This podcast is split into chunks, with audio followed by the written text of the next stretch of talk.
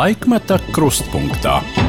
Esiet sveicināti, skan raidījums laikmetā krustpunktā pie mikrofona Arnijas Krausa, producents Ilza Aginta. Vadot valdību, Aigaram Kalvītam laimējās, jo viņa laiks bija tāds, ka nebija jādomā, kā līdzekļus iegūt, bet kā tos tērēt. Šādā Aigara Kalvīša laiku ministru prezidenta amatā ir raksturojis cits bijušais premjerministrs Andris Bērziņš. Visa politika ir vieni vienīgi satricinājumi. Šie ir paša Aigara Kalvīša vārdi. Mūsu šodienas viesim politiskā pieredze ir ļoti bagāta, pieredzēta augsta kāpuma un sāpīgi kritumi ir bijušas saimnes vēlēšanas, kurās politiķis Kalvīts saņēmis visvairāk plusiņu, bet jau pēc pāris gadiem sakoja tautas demonstrācija Doma laukumā, pieprasot, lai viņš no valdības vadītāja amata atkāpjas. Aigars Kalvīts atjaunotās Latvijas politikā ir redzējis daudz ko, arī privatizāciju, ekonomisko grupējumu cīņas, tikšanos ar Putinu un daudz ko citu. Notikumi ir bijuši tikpat spraigi kā hokeja spēle, un arī par hokeju mēs šodien noteikti runāsim, jo bijušais premjerministrs jau daudzu gadu garumā ir cieši saistīts ar Latvijas hokeja dzīvi. Es saku, labdien, Aigaram Kalvītam. Labdien! Un Kalvīša kungs, tas ir pilnīgi saprotami, ka šobrīd jūs neskatāties uz mani, bet uz uh, datora ekrānu, uz mūsu studijas galda, jo tieši mūsu sarunas laikā rita Latvijas-Vācijas basketbola spēle, un šobrīd ir uh, pēdējās spēles minūtes un izšķiroši brīži. Nu, jūs esat hockey cilvēks, bet basketbols ar jums aizrauja. Nē, nu es eh, patiesībā esmu spēlējis basketbolu jaunībā. Hmm. Es neesmu nekad spēlējis eh, profesionāli hokeju. Es esmu sēdis hokeju, dīķu hokeju spēlējis, bet basketbolu es esmu spēlējis gan fakultātes komandā, gan arī nu, visu jaunību. Basketbols galīgi man nav svešs sporta veids. Es godīgi sakot, šodien skatoties spēli, skatos uz punktiem, bet es pašu spēli nevaru noskatīties, jo, jo tās emocijas ir sakāpinātas.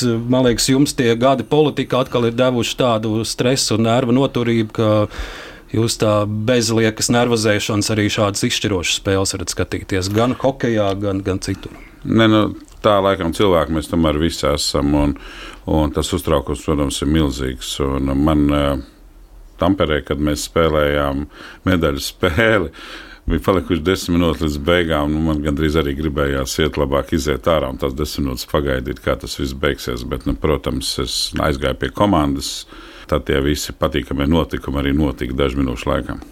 Nu, šī mums šobrīd ir izcila basketbola vasara, bet, bet protams, mums tad ir jāmin arī pavasars. Un, Un lieliskā mūsu Latvijas hokeja izlases spēle čempionātā un bronzas medaļa. Un, uh, arī tas brīdis, kad mūsu komanda bija Rīgā un pie brīvības pieminiekļa, man liekas, uh, vismaz tā vizuāli tik laimīgu dzīvē, jūs nebija redzējis, kā tajos brīžos ar bronzas medaļu mūsu komandai atgriežoties. Jā, nu, ziniet, uh, laikam vairāk kā 20 gadus es esmu bijis hokeja. Mēs visi ģimene esam hokeja. Mūsu bērni spēlēja hokeju gan gan Latvijā, gan pēc tam universitātēs Amerikā. Tas sapnis man bija, ka kādreiz Latvija šīs medaļas izcīnījis. Tas likās daudz uh, reālāks, varbūt gadus 15 atpakaļ, kad mums bija ļoti daudz hokeja zvaigžņu un daudz spēlētāju. Bet tai paudzei, diemžēl, tas neizdevās. Bet no šī jaunā paudze, kas ir izaugusi nu, vienkārši fantastiski. Tādu komandas saliedētību un tādu garu kādu, un atmosfēru, kāda bija šī čempionātā, tādu nekad Latvija nav piedzīvojusi. Latvijas valstīm nav piedzīvojusi. Mums raidījumā ierasti ir dažādi arhīvu fragmenti, un, ja par hokeju, tad būs arī viens arhīvs no 2000. gada, kas arī bija zīmīgs Latvijas hokeja un čempionāts Sanktpēterburgā un pirmo reizi Latvijas izlasu uzvar Krieviju to brīdi atceraties? Jā, es biju Sanktpēterburgas čempionātā, un tā kā tika veidota valdība, man bija plānots, ka es šajā valdībā ieņemšu ekonomikas ministra amatu. Man nācās pirms šīs spēles braukt uz Rīgu, un es vairs neatrados pašā pasaules čempionātā, bet man acu priekšā ir vairāki vārdi, gan divi, ko Juris Apuļskis iemeta Baltkrievijam, gan Aleksandrs Beļauskas savu slaveno pirueti uztaisīja. Tā kā šo čempionātu es ļoti labi atceros. Mēs eh, paralēli mūsu sarunai turpinoties skatāmies arī basketbola spēli. Ir mūsu iedzinējos, bet vēl ir 5 minūtes, vēl ir cerība. Hokejs ir komandas spēle, basketbols ir komandas spēle, un, protams, svarīga loma ir arī trenerim. Jūs arī esat bijis komandas vadītājs, kā ministru prezidents, vai te kādas paralēlas saskatāt? Nu, politika arī ir komandas spēle. Ja kāds domā, ka politika ir individuāla, individuāla nodarbošanās, tad viņš ļoti smagi kļūdās. Un tikai tās komandas, kas tiešām ir spēcīgas, vienādi domājošas, vienādi tendētas, var kaut ko sasniegt politikā. Un, un te nav tikai tas, ka tev ir kaut kādā veidā savas idejas jāizstāv, bet arī jābūt tādai disciplīnai. Un viens no demokrātijas pamatprincipiem, kas ir mūsu sabiedrībā akceptēts un pieņemts, ka nu, mazākums pakļaujas tomēr vairākam viedoklim. Un tā ir tā komanda ja vairākums pieņem kādu lēmumu, tad nu, tu nevari spēlēt solo. Pretējā gadījumā tad nekas nesanāk. Tā, tā vairs nav komanda. Tā kā politika arī ir komanda. Nākamgad apritēs 20, jau 20 gadi kopš brīža, kad jūs kļuvāt par uh, ministru prezidentu. Un kas zīmīgi toreiz prezidentē Vairē Vīķei Freibergai bija jāizšķiras starp diviem kandidātiem, starp Aigaru Kalvīti un Krišānu Kariņu. Nu, arī Krišāns Kariņš uh, ir, ir beidzis savas uh, dienas ministra prezidenta amatā. Kā jūs īsi raksturot to, kas Latvijas politikā notiek šodien? Nu, droši vien, ka īsi to būs ļoti grūti komentēt, bet es domāju, tā atšķirība var būt no 2000. gadu sākuma. Uh, Eh, nu, Latvijas politika bija izvirsījusi ļoti augstus mērķus, ko vajadzēja sasniegt mūsu valstī. Un, un tie bija iestāšanās gan Eiropas Savienībā, gan NATO. Un visa valsts, visa ierēdniecība, arī iedzīvotāji lielu atbalstu šiem mērķiem virzījās. Līdz ar to es uzskatu, ka tā laika politika bija ļoti mērķiecīga un precīza šobrīd tāda sajūta, ka pēdējo, nu, es gribētu teikt, desmit gadu laikā šīs fokus ir pazudis, kas tad ir mūsu valsts pamata, nu, ko mēs gribam vispār darīt, dzīvot labāk. Nezinu, dzīvot sociāli taisnīgāk. Nu, kaut, nu, šī mērķa nav. Līdz ar to man liekas, tā politika ir diezgan haotiska un neprofesionāla. Ja? Ar o... savu pieredzi, kā jūs novērtētu premjeru Kariņu, tomēr viņam izdevās vairāk nekā četrus gadus būt amatā. Un tas ne. bija arī Covid laiks un, un, un uh, Krievijas karš. Nu, es gribētu teikt, tā, ka uh, tas, kas varbūt atšķīra Kariņu valdību no iepriekšējām, kad uh, agrāk bija ļoti liela konkurence starp partijām. Tās partijas tomēr bija daudz labāk organizētas. Un Krišānam Kariņam uh, šī ilglaicīga atrašanās premjeras amatā lielā mērā tika nodrošināta ar to, ka partijas savā starpā nu, tik agresīvi nekaroja, kā tas varbūt bija 90. gados vai 2000. gadu sākumā, kad visam vēl pa vidu bija ekonomisko grupējumu cīņas. Ja? Un katra partija kaut kādā veidā pārstāvēja kādu no ekonomiskiem grupējumiem, un tur bija reāls intereses apakšā. Līdz ar to es gribētu teikt, kurā grupējumā tad jūs bijāt? Nu, pumpaino. Pumpaino. Tas pumpaino. ir tie valmierieši, jā, ja? nu, šķēles, šķēles. Jā, jā, es biju pumpaino grupējumā. Jā. Bet jums arī reāli bija kāda pumpaina kaklasēta? Nē, man bija parasti ar govīm, jo es ah. nācu no piensaimniecības nozares, un es principiāli gribēju nesāt kaklasētas ar govīm, pēc tam kļūstot par zemkovis ministru, atkal tas amats atbilde. Un vēlāk es patiesībā neesmu daudz tādu šlipsu nesājis, bet tas man netraucēja teikt, ka es esmu pumpaino grupējuma dalībnieks. Jā. Nu, jā, līdz ar to pabeidzot šo tēmu, es domāju, ka viņam eh, daudz mazāk nācās saskarties ar eh, starppartiju cīņām un tāda veida intrigām. Jā. Līdz ar to tā ilglaicība varētu to tik nodrošināt. Nu, mēs atkal iemetam acis šobrīd basketbola spēlē. Mūsu basketbolisti ir, ir šo starpību ar, ar Vācijas izlases samazinājusi līdz, līdz pieciem punktiem. Bet, uh, ja par spēli turpinot, kas bija jūsuprāt šī par spēli, kas notika uh, pēdējos mēnešos kopš prezidenta vēlēšanām Latvijas politikā un kur ir rezultējusies ar premjeras amata kandidāti Eviku Siliņu? Nu, redzēt, katrai partijai ir kaut kāda strateģiska mērķa. Es varu tikai kaut kādu savu analīzi iedot. Nu, acīm redzot, nu, vienotībai, ņemot vērā, ka viņiem bija ļoti labi vēlēšana rezultāti, viņiem arī bija ļoti liela vēlme nu, iegūt prezidenta amatu. Mm. Līdz ar to viņi arī izdarīja visu. Lai šo prezidenta amatu iegūtu. Nu, vai tie bija ska, nu, ļoti jauki līdzekļi, vai nu, netik labi, ja tur, teiksim, izjaucot esošo valdību. To droši vien vēsturi varēs analizēt, bet katrā ziņā nu, prezidenta vēlēšanās tika apmainīta valdība pret uh, opozīciju. Ja? Nu, tad ietirgot šīs balsis, un tā jau, kad šie solījumi politikā ir doti, uh, Nu, var jau, protams, viņus kādreiz arī nepildīt, bet nu, pamatā nu, tā nepildīšana ar ko labu nebeidzās ilgtermiņā. Bet ar... to var droši saukt par politisko tirgu, par politiskiem darījumiem. No, no tā nav jākaunās. Ja, nu, tā visā, tas notiek. Nu, tā visā pasaulē tiek veidot politika. Nu, tā tiek, visur tiek dalīta amati partijas savā starpā sarunā svarīgākās lietas, un tā ir viena no demokrātijas sastāvdaļām. Nu, vai tas ir ētiski vai neētiski, tas ir nu, sabiedrībai jāvērtē. Droši vien nu, to nevar tā savādāk pateikt, bet, bet sabiedrībai tas ir jāvērtē, vai tas ir patīkami, ka tu iztirgo kaut kādus krēslus, vai tas nav patīkami. Nu. ZZS atgriešanās pie varas daudz tiek diskutēts, vai un kāda būs atkal Aivara Lemberga ietekme uz politiskajiem, ekonomiskiem lēmumiem. Nē, te arī ļoti liela pārspīlējuma. Ja? Nu, protams, droši vien Aivaram Lembergam ir kādi saimā pārstāvētie deputāti, kas ar viņu ir ļoti tuvās attiecībās. Tas ir pilnīgi iespējams, bet nu, tomēr, ja mēs skatāmies uz Zemnieku savienību, viņi tomēr ir daudzšķautnaina partija, ļoti dažāda partija. Nu, tā kā teikt, ka tagad uh, eh, ZZS strādās uh, kaut kādā veidā vienu cilvēku interesēs, nu, to nekādīgi nedrīkstētu apgalvot. Tad, kad jūs uh, sākāt darbu politikā, uh, te viens citāts no 2000. gada talsos notiek Tautas partijas kongress. Jūs kongresā sakat šādus vārdus: Nekad agrāk nav bijis tik daudz netīrumu, lētuma un saftīguma, nekad neviens agrāk politikā nav tik atklāti cīnījies par ietekmes iegūšanu attiecībā uz privatizācijas lēmumiem, nekad agrāk Latvijas politikas aina nav izskatījusies tik nožēlojami, to jūs sakat 2000. gadā. Bet noteikti šos vārdus var attiecināt arī uz laiku pirms 2000. gada, arī uz laiku, kad uh, jūs bijāt pie varas un droši vien, vai daudz kas ir mūsdienās mainījies. Nu, vienīgi privatizācija beigusies.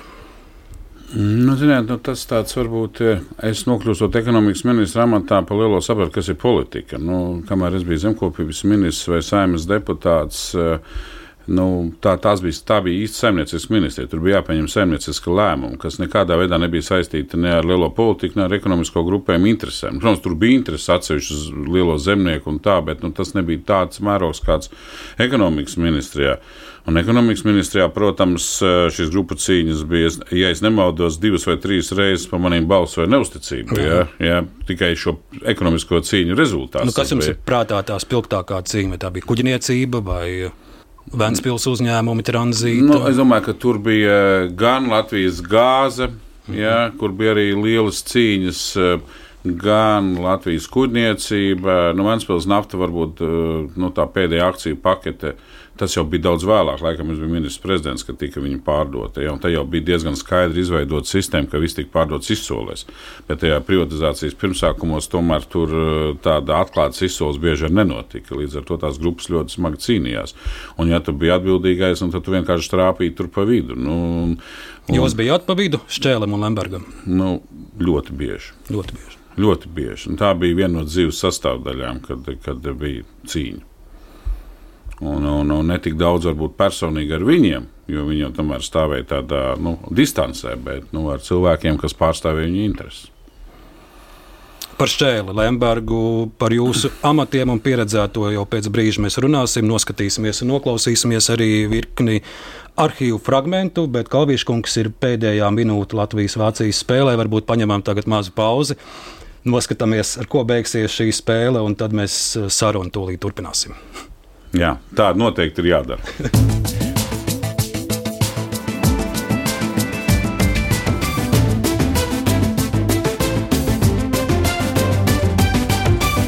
Laikmeta krustpunktā. Nu, ko Kalvīša kungs nu pat esam noskatījušies Latvijas-Vācijas spēli. Vienīka divi punkti pietrūka līdz, līdz tiešai vēsturiskai uzvarai. Lai gan arī tās visas iepriekšējās jau varēja saukt par vēsturiskām. Nu, kādas jums ir pirmās emocijas? Nu, malači.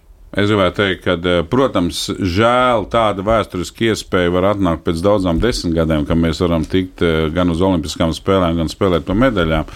Bet malači, jebkurā gadījumā, jo Latvijas ceļš uz šo vietu bija visgrūtākais no visām komandām. Spēlēt ar Kanādu, Franciju, Spāniju, Vāciju. Nu, tie pretinieki vien ko vērti. Tā kā malači apsveicam, un es domāju, Es gribētu teikt, ka beidzot vīriešu basketbola izlasē ir tā, tā, tas, nu, tā kā, tas sasniegums sasniegts. Jo vienmēr kaut kā tad mēs nevarējām savā komandā, tad mēs nevarējām labi nospēlēt. Tad bija kaut kādas domstarpības -hmm. komandā. Šī komanda ir vienkārši unikāla. Ja mēs salīdzinām sportu un politiku, nu šeit šodienas spēlē šo zaudējumu var saukt arī par sāpīgu. Jums politikā, ko jūs vērtējat, ka tas ir bijis jūsu tāds? Nu, sāpīgākā zaudētā vai nu politiskā cīņa vai kāds moments? Nu, es tā, ja mēs atrinām tādu nedaudz daudz gadus atpakaļ, droši vien, kad uh, tas laikam bija 2007. gada rudens, kad uh, es pieņēmu lēmumu atstādināt Loskutovu.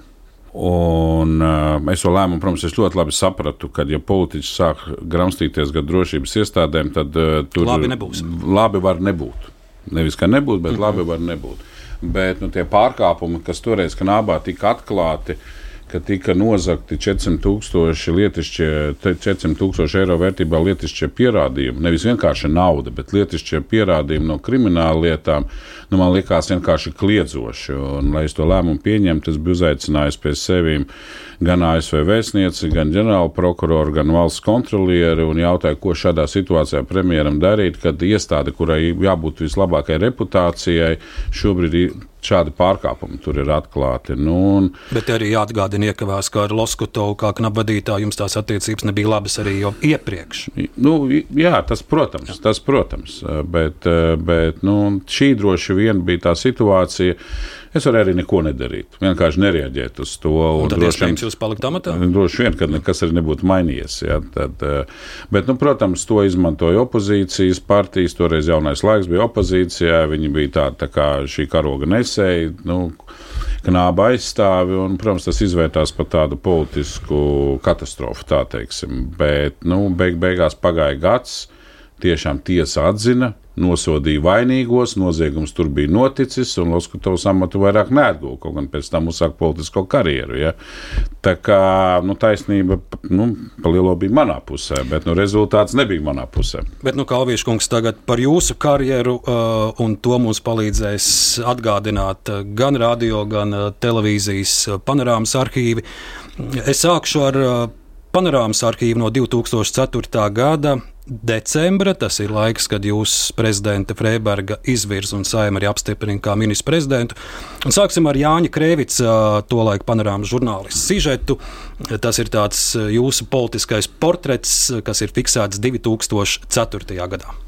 Pirms politiskās darbības 90. gadu sākumā Kalvīts karjeru sākā traktorists un slaucējs kādā zemnieku saimniecībā Zviedrijā, bet vēlāk Latvijā nodarbojās ar lauku saimniecības biznesu un bijis vadošos amatos uzņēmumos Agrobiznesa centrs, Zemgals piens un Jelgavas piena kombināts. Biznesa Kalvīts nomainīja pret politiku, tajā ienākot Andres Čēles vadībā. Vajadzīgi vadītāji, kas gan paši piedurknes uzlocīs, gan piedzērušo celtnieku brigādu spētu izmācīt, kas paši māk, kas paši strādā un kas var piespiest, lai viņus klausa.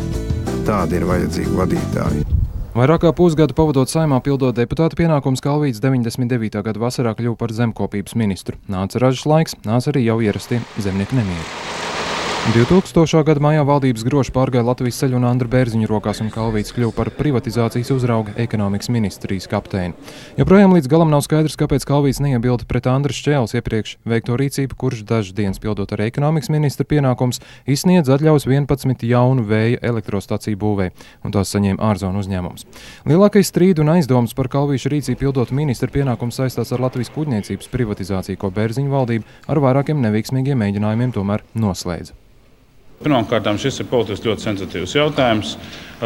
Valdības ministriem bija ļoti daudz jautājumu, un tad 12. decembra valdības sēdē valdība ir politiski gatava atbalstīt kuģniecības privatizāciju un pieņemt galējo lēmumu. Kuģniecības dēļ notika asu vārdu pārmaiņa gan ar sociāldemokrātiem, kas pieprasīja ministra demisiju, gan arī tēvzemiešiem. Privatizācijas jomā Kalviešu kungam uzticēties vairs nevar. Šīs saimnes laikā Kalvīts bijis ierīnas deputāts un pēc atslēgta vārdiem izdarīgs Tautas partijas saimnes frakcijas darba organizators. Viņš spēja saliedēt frakciju, spēja sarunāties ar politiskiem oponentiem, draugiem un nedraugiem, sākot ar, nu, tiksim, ar visplašāko spektru. Ir jauns, enerģisks. Nu, domāju, ka pietiek jau to labo vārdu.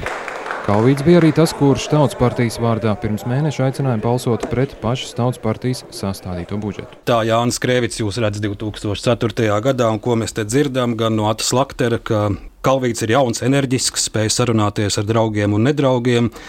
Andris Čēlis saka, ka Latvijai ir vajadzīgi tādi vadītāji, kas piedzērušos celtnieku brigādu spētu izmācīt. Nu, dzirdam arī, ka ir vērtējums no Mārga Grīmblata, Kalvītim, privatizācijas lietas uzticēt nevar. Šādu panorāmu jūs rādāt 2004. gadā. Nu, tur īpaši nav ko komentēt. Nu, esot tajā visā iekšā, es, protams, ļoti labi saprotu, kamēr tēvzemieši nevarēja uzticēties vairs man privatizācijai, viņi pārstāvēja Vēnspils grupējumu, ja, tajā laikā politiski. Tas arī nebūtu varbūt. Tas nebūtu tik liela problēma. Sociāldemokrāti, ko to laik pārstāvēja? Nu, es domāju, ka arī. Arī, arī Lembergu. Jā, arī.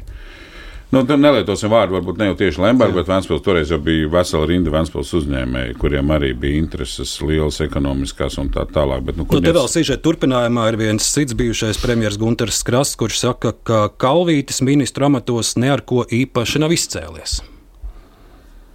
Nu, tas ir viņa viedoklis, ko es tur varu komentēt. Bet tad nu, paskatīsimies mēs paši, tagad, kā jums uh, ministra amatos ir gājis. Tie ir tieši divi līdz kļūšanai par premjeru bijāt ekonomikas ministrs un karjeru sākāt kā zemkopības ministrs un uh, panorāmas arhīvā. Pirmais uh, sižets, kurš ir saglabāts no jūsu darbības kā zemkopības ministrs, ir 98. gada aprīlis. Un panorāmas lauka korespondents Jānis Dimants ir fiksējis uh, jūsu došanos uz akciju sabiedrību Limbaģu piens, kur pateicoties Nīderlandes valdības atbalstam, tiek atklāta jauna ražošanas līnija. 98. gads Aigars Kalvīts kā zemkopības ministrs. Jaunumi Latvijas piensaimniecībā ienāk ar rietumu sadarbības partneriem, un šajā gadījumā arī ar Nīderlandes valdības dāvinājumu. Tāpēc, laižot darbā jaunās piena pirmapstrādes iekārtas, šodien akciju sabiedrībā Limbaģu piens tika godināti Nīderlandes firmu pārstāvji. Kopā ar projekta īstenotājiem, kopā ar limbažniekiem un viņu ciemiņiem bija Nīderlandes karalistes vēstnieks Latvijā Ludvigs Van Uldens. Vispār jau modernās ražotnes laišana darbā mums ir liels iegūms daudzajā ziņā. Varēsim ražot lētāk, kvalitatīvāk, ar daudz ilgākiem saka, realizācijas termiņiem, daudz lielākus apjomus. Galvenais Kaunibankas prezidentam prieks ir tas, ka beidzot kaut kas varens tomēr notiek ārpus tās Rīgas. Limbaģis piens ir viens no nākošajiem kandidātiem, kurus Eiropas Savienības komisija varētu certificēt, bet, protams, vēl jau jāiegulda darbs. Bet vai varam uzskatīt, ka tagad ar savu piena produkciju būsim mazāk atkarīgi no austrumu tirgiem? Protams, tas, tas darbs, kas šeit ir izdarīts, ir vienkārši fantastisks. Un, un tas jau ir ļoti liels solis uz priekšu, lai, lai dabūtu Eiropas Savienības numuru. Ja tā, tad vēl jo tīkamāk ir saskandināt šampanieša glāzes. Nu, lūk, skan šampanieša glāzes 98. gads. Te mēs redzam arī arī Dzintars Jaunžēkers, vēlākais iekšlietu ministrs, Andris Bērziņš, vēlākais valsts prezidents, un arī jūs kā ministrs ar ļoti interesantu tādu baltu cepuru arī cehā. Jā, nu, es piensaimniecībā tiešām pavadīju ļoti ilgu laiku, tiešām sākot ar uh, piena iegūšanu, kā saka, es māku arī govs laukt, un to man To es iemācījos Zviedrijā, esot praksē no Lauksainicības universitātes, arī kā pirmais praktikants, kas uz Rietumu Eiropu aizbrauca, jo laikam tie bija pirmie desmit cilvēki, kas dabūja vietas Zviedrijā 90. gadā, tā bija Padomju Savienība. Ja, tas, un es pēc tam vadīju gan piena kombinātu, gan piensaimniecības nozari kopumā, un šis ieguldījums, cik es labi atceros, mums bija ļoti liels problēmas pārorientēties prom no Krievijas tirgus, un šī, mēs eh, Limbaģi sāka ražot gojā sieru, tas ir cietais siers, kas viss gāja tikai uz eksportu. Tas bija tas lielais iegūms un tā investīcija, jo, lai varētu ieiet jaunos tirgos, vajadzēja ražot produktus, ko tajos tirgos pazīst. No tiem tradicionāliem padomu produktiem nevarēja dāli nekur tikt. Nākamais stāsts būs no 99. gada, un tas būs stāsts par graudiem, kur parādās arī ministra Kalvīša tāda stingra dūre. Arī Jāņa Dimanta sižets un stāsti par to, ka jūs ierosināt pārbaudi graudu tirzniecības aģentūru. Zinot, cik ļoti ražas vācēji gaida jaunā zemkopības ministra rīcību graudu vietās, uzreiz nākas pavēstīt, ka Kalvīša sāk visai radikāli. Šodien es esmu parakstījis rīkojumu, lūdzot valsts kontroli veikt izmeklēšanu valsts labības tirzniecības aģentūrā. Aģentūra ir tā, kas iepērk graudus valsts intervencē un kārto, lai graudi tiktu realizēti. Graudu atlikums ir 37,000 tonnas sākusies graudu pļauja. Jautājums, kāpēc šie graudi nav realizēti? Aģentūras vadītājs Puķa kungs par valsts kontroles uzsūtīšanu gan pārlieku neuztraucas. Vienu gan. Es varu pateikt, kad, kas, ko es nožēloju šajā procesā, kā es esmu paklausījis savus saimniekus Nu, lūk, 99. gads, un, un tie saimnieki jau bija tā pati zemkopības ministrija šajā aģentūrā, bet, kā saka Jānis Dimants, Kalvīša kungs rīkojas radikāli. Jā, nu, tas laiks vispār bija raksturīgs ar to, ka uh, zemniekiem bija problēmas ar naudas saņemšanu. Nu, patiesībā visi iepirkēji graudu ņēma graudus tikai glabāšanā un norēķinājās par graudiem pēc realizācijas. Bet tā kā mēs zinām, rudenī jānodrošina sēja, zemniekiem nepieciešama nauda, lai mēslotu laukus, uzārtu laukus, iesētu. Tad uh, tas, ko es pirmais arī darīju, un tas bija pirmais gads laikam, uh, kad es vienojos ar visiem iepirkējiem par to, ka viņi maksās par graudiem uzreiz, nevis pēc realizācijas. Un līdz ar to sāka darboties tirgus mehānismi. Protams, eh, tā bija vienošanās eh, apusēji, jo arī šie iepirkēji saņēma palīdzību no zemkopības ministrijas, bet nu, sākās normāli tirgus procesi graudkopībā. Ja par tirgus procesiem, tad nākamais sižets arī no 99. gada, kur jūs dodaties tikties ar vidzemes puses zemniekiem un piensaimniekiem. Un šeit jūs runājat par to, ka ir nepieciešama lauksaimniecībā moderna reforma. Un arī ir pirmie aizmetņi diskusijai sarunai par reģionālo reformu. 99. gads ministrs Kalvītis Vidzemē. Aigars Kalvītis, būdams zemkopības ministra amatā, tā šodien pirmo reizi sarokojās ar piensaimniekiem, ar saviem bijušajiem kolēģiem. Jautās gluži vai atkal redzēšanās prieks. Un varbūt tāpēc jaunais zemkopības ministrs, kā jau pie savējiem, bija itin vaļsirdīgs un pastāstīja valmieriešiem, uz ko viņš sadūšojies jau pirmajās darba dienās. Politika tiks pilnīgi atdalīta no lauksaimniecības administrēšanas, un ministrijā būs liels pārmaiņas tuvākā laikā. Tas pats notiks arī ar mežkopības nozari, jo tur situācija ir vēl traģiskāka. Valsts meža dienas ir tas, kas pārvalda valsts mežus un tajā pašā laikā pats sevi uzrauga. Protams, pašiem zemniekiem vairāk darīšanu ar rajonu departamentiem. Interesanti, vietējā rakstura pārmaiņas sākas tieši vidzemē. Mēs zinām, ka mēs esam nākošā gadsimta priekšvakarā, un lauksaimniecībā prasās pēc modernas pārvaldes sistēmas. Un šī valdība ir nospraudusi par mērķi veikt reģionālo reformu, un arī lauksaimniecība, acīm redzot, administratīvās pārvaldes reforma būs jāveic. Nu, arī ir ieskats. Uh... Sižeta sākumā mēs arī redzam, ka ministrs no Rīgas tiek sagaidīts ar milzīgu, milzīgu puķu pušķi.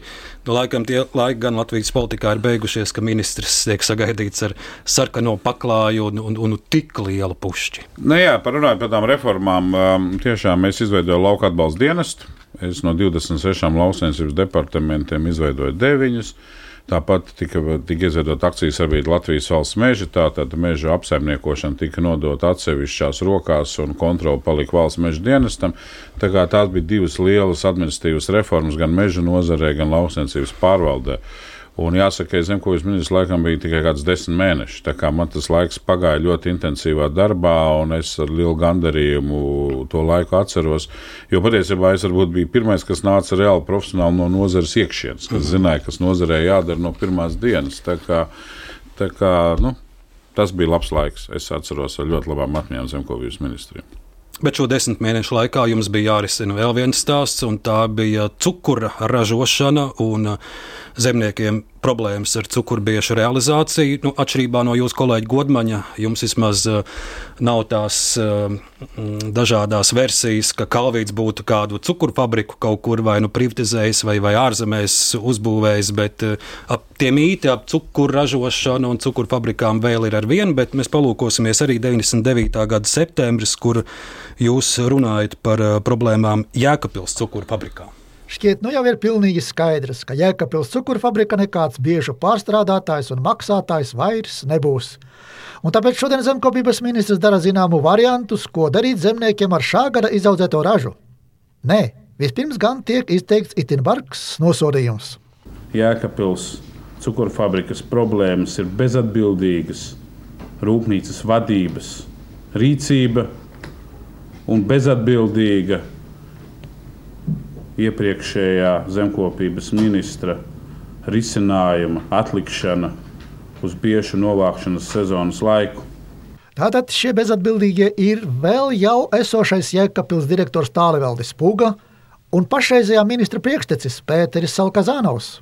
Taču cukurbiešu audzētāju vaininieku skaitu vēl maķinīt papildina. toreiz Tautas partija bija opozīcijā, bet arī opozīcijā esošā partija absolūti nekādas aktivitātes neizrādīja. Tautas partijas ministram nu aktivitātes jāizrāda tagad, kad vārda tiešā nozīmē jau deg. Šorīt no rīta tika parakstīta vienošanās ar Liepājas un Jālgavas cukuru fabriku par to, ka šīs fabrikas sākot no rītdienas pārslēgs līgumus ar tiem biešu audzētājiem, kuriem šobrīd ir apgrūtināta biešu realizācija Jēkabils cukurfabrikā. Nu, ar tāds fragments šis cukurs stāsts un paiet nemaz tik daudz gadu, un, un, un cukura ražošana Latvijā beidzas pavisam. Nu, šis stāsts bija saistīts ar to, ka uh, tas lielais risks bija, ka zemnieki izaudzējot ražu, atdodot vietas pārstrādēju uz Jēkabilu, nesaņemt nevienu santīmu naudas. Tāpēc bija jāpieņem radikāli mēri. Viņi bija finansiāli bankrotējuši un vietas bija izaudzētas, un nācās viņas uh, vienkārši vest prom uz Liepāju vai uz Jēlgavu. Un, un tas arī nebija viegli, jo, jo bieži pārstrāde notiek tikai dažus mēnešus gadā, un vēlams līdz lielajiem saliem tam jānotiek, lai vietas nesasalst. Tā, tā bija arī liela uzuparēšanās un tāda riska uzņemšanās no šo divu atlikušo rūpnīcu vadības, bet nu, to problēmu mums izdevās atrisināt, un zemniekiem nauda neviens parādā nepalika. Tas bija tas pozitīvais rezultāts. Tas, ka lietuviešiem ir sava cukuru ražošana, mums nav. Nu, te vēlreiz jāatgādina, ka tie bija paši īpašnieki, kas izvēlējās savus fabrikas slēgt. Vai, vai tagad, raugoties, tas bija prātīgi un pareizi tā darīt? Domāju, ka noteikti nē, jo zemnieki bija investējuši milzīgas naudas cukurbiešu apstrādes tehnikā. Viens cukurbiešu kombināts maksāja toreiz pusmiljonu, ja, bija vislielākās saimniecības viņas iegūši un atmaksājuši, un nācās to visu pārdot. Bet, nu, ziniet, tas var būt Latvijai ļoti raksturīgi, kad mēs savu biznesu pārdodam. Viegli saņemt to naudu, viņu vienkārši nopērkam Spānijā mājas un dzīvojam tur un baudam savu dzīvi. Un, un kaut kā nedomājam par to, ka tomēr uzņēmējdarbība un biznesa ir paudžu jautājums. Apsieties, cik daudz simtiem gadu vecu kompāniju Lielbritānijā vai Francijā vai Amerikas Savienotās valstīs tēvs un dēls un tā tālāk. Mūsu acīm redzot, tā nekā nebūs. Ja mēs paskatāmies šodien uz Latvijas ekonomiku, tad ir uz pirkstiem pirkstiem saskaitāmi uzņēmumi, kas pieder Latvijas pilsoņiem. Cukuru ražošana vēl ir iespēja atsākt Latvijā, vai tur vairs tur viss nu, tur ir nepieciešams ir milzīgas investīcijas. Milzīgas investīcijas, jo nav jau tikai pati rūpnīca, bet, eh, bet ir jau vēl katram ražotājam vajadzīga nepieciešamā tehnika. Un droši vien, ka eh, tā liederība, nu, tā liederība nav augsta, lai kaut ko tādu darītu. Tātad cukuru ražošana tā ir vēsture Latvijā. Nu, es domāju, ka jā. Daļai vēsture ir arī Šķēles Lemberga konflikts. Mēs jau raidījuma ievadā to pieminējām, un šeit atkal Jānis Dimants, panorāmas korespondents, palīdzēs mums atgādināt par šo konfliktu 99. gada decembris.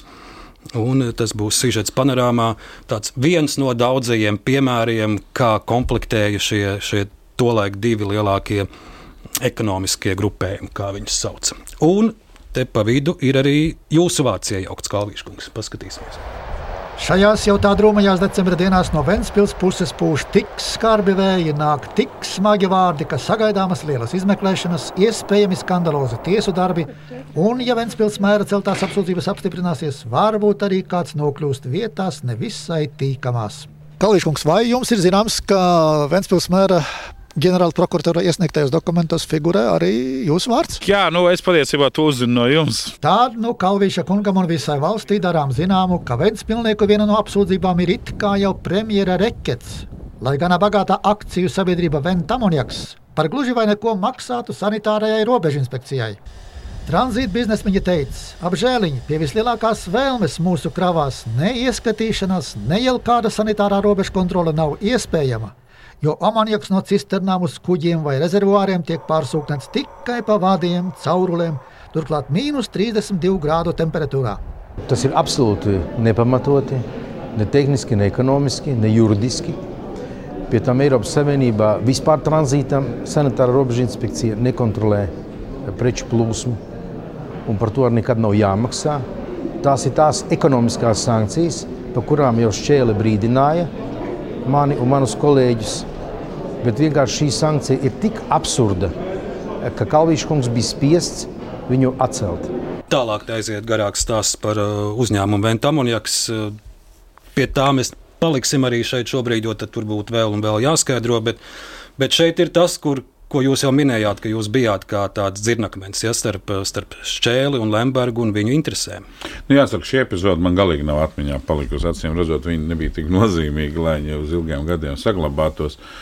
Nu, sanitārā robeža inspekcija tika izveidota, tā bija Eiropas Savienības prasība. Man ir grūti komentēt, cik, cik šis strīds bija pamatots, bet katrā ziņā nu, sižets ir saglabājies. Bet tas var būt par citu, par šo strīdu vai šī strīdēšanās vai cīņas starp šiem diviem milžiem, tolaik Šķēli un Lembergu. Um, Vai tas arī nav viens no iemesliem, ka mēs šodien runājam, ka mēs no kaimiņiem, Igauniem atpaliekam jau par desmit gadiem? Nu, es domāju, ka te, tas ir tomēr daudzšķautnāks jautājums. Redziet, visā pasaulē jau attīstību virza ekonomiskās intereses. Tas ir visā pasaulē. Tā, tas ir nerakstīts likums. Bet šeit ir stāsts par privātām ekonomiskām interesēm. Jā, nu, skai, es saprotu, bet tie cilvēki, kuri attīsta ekonomiku un attīsta biznesu, arī dod ļoti lielu labumu sabiedrībai. Uh, varbūt šobrīd mums ir milzīga problēma, ka mums nav tādu flagmaņu vai no labā nozīmē flagmaņi, kas domātu par ekonomisko attīstību valstī. Es nu, negribu atgriezties pie 90. uzņēmumu ļoti Jā, veiksmīgi. Skaidrs, kuri strādā starptautiski un ļoti patīkami, bet uh, mūsu problēma jau ir mūsu mazā ekonomiskā aktivitāte. Tas, kad uh, ekonomiskie grupējumi cīnījās 90. gados, nu, ja mēs atgriezīsimies pie 2000. gada vidu, mēs no Igaunijas un Lietuvas noteikti, Lietuvu noteikti mēs bijām apsteiguši, no Igaunijas neatpalikām. Atpalikuši mēs esam pēdējos desmit gados. Ja, tā kā man ir grūti pateikt, vai šo divu cilvēku cīņa kaut kādā veidā var atsaukties 20 gadus vēlākā vēsturē. Šaubos. Saistībā ar viņiem ir runāts arī par šo varas nozagšanu. Ko jūs redzējāt? Es pieļauju, ka varbūt, ja kādreiz rakstīsiet politiskos memoārus, noteikti, noteikti jums būs ko pastāstīt. Nu, man ir grūti komentēt uh, jēdzienu varas nozagšanu. Es īsti viņu neizprotu. Ja, tomēr, tas esam... bija Pasaules bankas termins. Jā, jā, tas Latviju. bija nedaudz savādākā kontekstā. Nu, mēs esam vienmēr bijuši demokrātiskā valstī, mēs esam vienmēr bijuši demokrātiskā parlamentārā republikā un politiskie spēki vienmēr ir pārvaldījuši valsti. Mums nav bijis situācijas, ka kāda atsevišķa cilvēka autoritāri kaut ko darītu. Ja? Bet jums ir kāds epizodes par šiem trauksmēnējiem 90. un 2000. gadu sākumu, par šo privatizāciju un varas dalīšanu, ko jūs uh, memoāros aprakstītu kādreiz? Nē, nu, es ļoti labi atceros to laiku, kad es vadīju privatizācijas aģentūras padomi un nācās pieņemt lēmumus par konkrēto kapitāla daļu privatizāciju. Un, protams, bija eh, milzīgas cīņas eh, padomus locekļu starpā, kuri bija politiski toreiz iecelti. Viņi nebija, eh, nu, teiksim, nenāca no profesionālās vidas, bet bija patiesībā puspolitiķi, kas varbūt nebija vēlēti nekur, bet atradās partiju pašās augšā. augšā Nu, es atceros to, ka nu, vismaz divi balsojumi saimā bija par manas atstādināšanu. Tīri tādēļ, ka kāda no ekonomiskām grupām nevarēja realizēt savus intereses, un, un ekonomikas ministrs bija pa vidu. Jā, tā kā... Bet tās cīņas bija arī tādas, ka dažbrīd varbūt bija pat kaut kādi drošības apdraudējumi. Jums varbūt vajadzēja var pat par miesargu domāt, jo tie lēmumi, kas bija jums jāpieņem, tie bija par ļoti lielām naudām un lielām interesēm. Nu, ne jau es viens pieņēmu. Teiksim, eh, mēs sagatavojam šos lēmumus. Lēmumus jau pieņem valdība. Ja? Tas, tas bija kolēģiāls uh, politiķu lēmums. Bet es neesmu nekad domājis, es nevienam cilvēkam dzīvē neko pāri neesmu nodarījis. Nekad neesmu baidījies, ka kāds man varētu kaut ko man nodarīt pāri. Ja tu ar skaidrām acīm un tīru sirdsapziņu stāvi, sabiedrības priekšā nav jābaidās, ka kāds tev uzbruks. Tā kā par miesargiem gan es nekad neesmu domājis par miesargiem, ne, bet par hokeju. Es domāju, jūs domājat bieži un arī paralēli visām politiskajām gaitām, tad nu, nākamais mūsu arhīvu fragments būs par hokeju. 2000. gada hokeja pavasaris, pasaules čempionāts tolaik notiek Sanktpēterburgā. Latvijas cīna astoto vietu, un pirmo reizi izdodas pārspēt arī Krievijas izlasi. Šeit būs uh, Fragments no panorāmas arhīva.